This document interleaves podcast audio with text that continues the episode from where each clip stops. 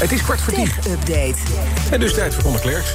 Connor, Noord-Koreaanse hackers hebben vorig jaar voor meer dan 300 miljoen dollar ja, weggehackt, zou ik maar zeggen. Het was gehackdag daar, om kernwapens te financieren.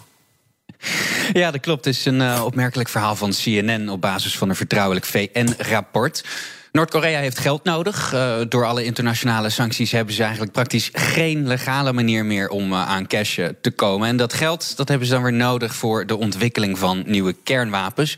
Maar ook voor andere belangrijke zaken, zoals de inkoop van luxe goederen, zoals Rolexen en whisky voor de elite. we hebben daarover gesproken met Sico van der Meer, onderzoeker aan instituut Klingendaal. En hij vertelt hoe ze te werk gaan.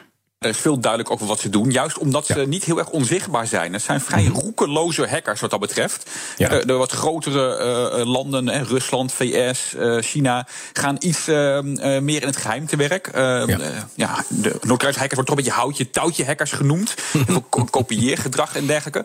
Maar ja. ze richten zich vooral op financiële instellingen. Ze willen geld binnenhalen. En vooral financiële instellingen in ja, wat armere landen, hè, waar, waar de, de, de cyberbeveiliging toch wat minder goed is. Daar proberen ze banken en dergelijke. En ook bijvoorbeeld uh, crypto-muntbeurzen uh, aan te vallen. om daar uh, geld vanuit weg te sluizen. Ja, nou, het is nog wat over de roekeloze Noord-Koreaanse hackers. Over hackers gesproken, Connor. Een hacker waarvan de herkomst niet helemaal duidelijk is... die heeft geprobeerd drinkwater te vergiftigen in Amerika.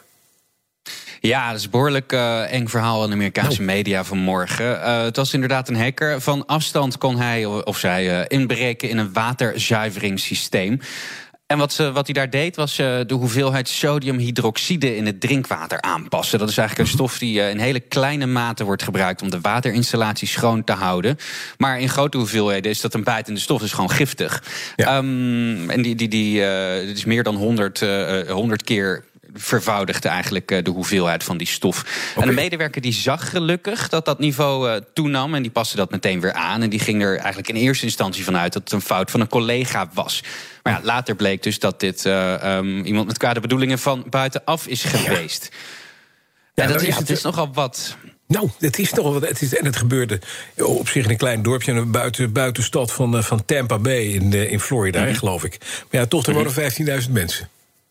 Ja, precies. Je moet er niet aan denken uh, wat er gebeurd was uh, als die mensen allemaal een buiten stof in hun drinkwater hadden gekregen. Ja. Niet vermoeden natuurlijk. De waterzuiveraar die zegt overigens wel dat de veiligheid van dat water niet in gevaar is geweest. Ja, je zei het al, het is een hacker, man of een vrouw. We weten dus nog niet wie. Nee, er is eigenlijk nog niet duidelijk uh, um, wat de herkomst is. Of dat uit het binnenland of het buitenland uh, heeft plaatsgevonden. Daar zullen we even op moeten wachten. Oké, nog eventjes naar Australië, want dat zet inderdaad die wet door... Hè, om techbedrijven te laten betalen voor links naar nieuws. Dat vinden ze eerlijk. Ja, ze houden de, poot echt stijf, ja. schrijft CNBC zojuist. Uh, die wet, daar hebben we het al eerder wel eens over gehad. Hè. In december lag die voor het eerst voor in het Australische mm -hmm. parlement. En in die wet staat eigenlijk als een digitaal platform... zoals Facebook of Google linkt naar een nieuwsartikel... wat ze dus heel veel doen... dan zou dat nieuwsbedrijf daarachter ook geld moeten ontvangen... van, ja. uh, van die grote techbedrijven. De Australische mededingingsautoriteit die zegt dat voor elke 100 Australische dollar... die online wordt uitgegeven aan advertenties... gaat er 53 dollar naar naar Google, 28 dollar naar Facebook. En voor alle andere sites blijft er dus maar 19 dollar uh, over. Zo. En dat vinden ze, uh, vinden ze niet eerlijk. Daar willen ze iets aan doen. Ja, en die grote techbedrijven die zien dus een enorme marges in, uh, in het geding komen. Hè? Ja, inderdaad. Uh, die zijn er niet blij mee, uh, vanzelfsprekend. Maar. Google heeft zelfs al een aantal keer gedreigd om helemaal weg te gaan uh, uit Australië.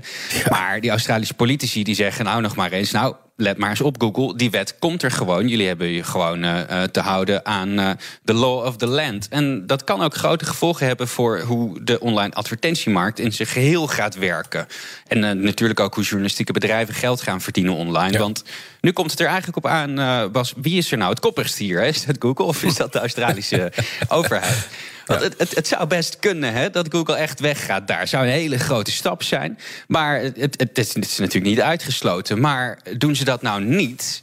Dan is de vraag, wat weerhoudt andere landen nu om ja. soortgelijke regels in te stellen? En gaan we dit dan vaker zien? Dat zou echt uh, hele grote gevolgen kunnen hebben. Absoluut. Dankjewel, Conor Klerks. De BNR Tech Update wordt mede mogelijk gemaakt door Bij BNR ben je altijd als eerste op de hoogte van het laatste nieuws. Luister dagelijks live via internet. Jelle Maasbach. Wesley Weert. We zijn er voor je met het leukste, opvallendste, maar natuurlijk ook het belangrijkste nieuws. Tijdens de presentatie van die halfjaarcijfers toen die beurskoers in elkaar kukkelde. BNR Beurs. Voor de slimme belegger. Blijf scherp en mis niets.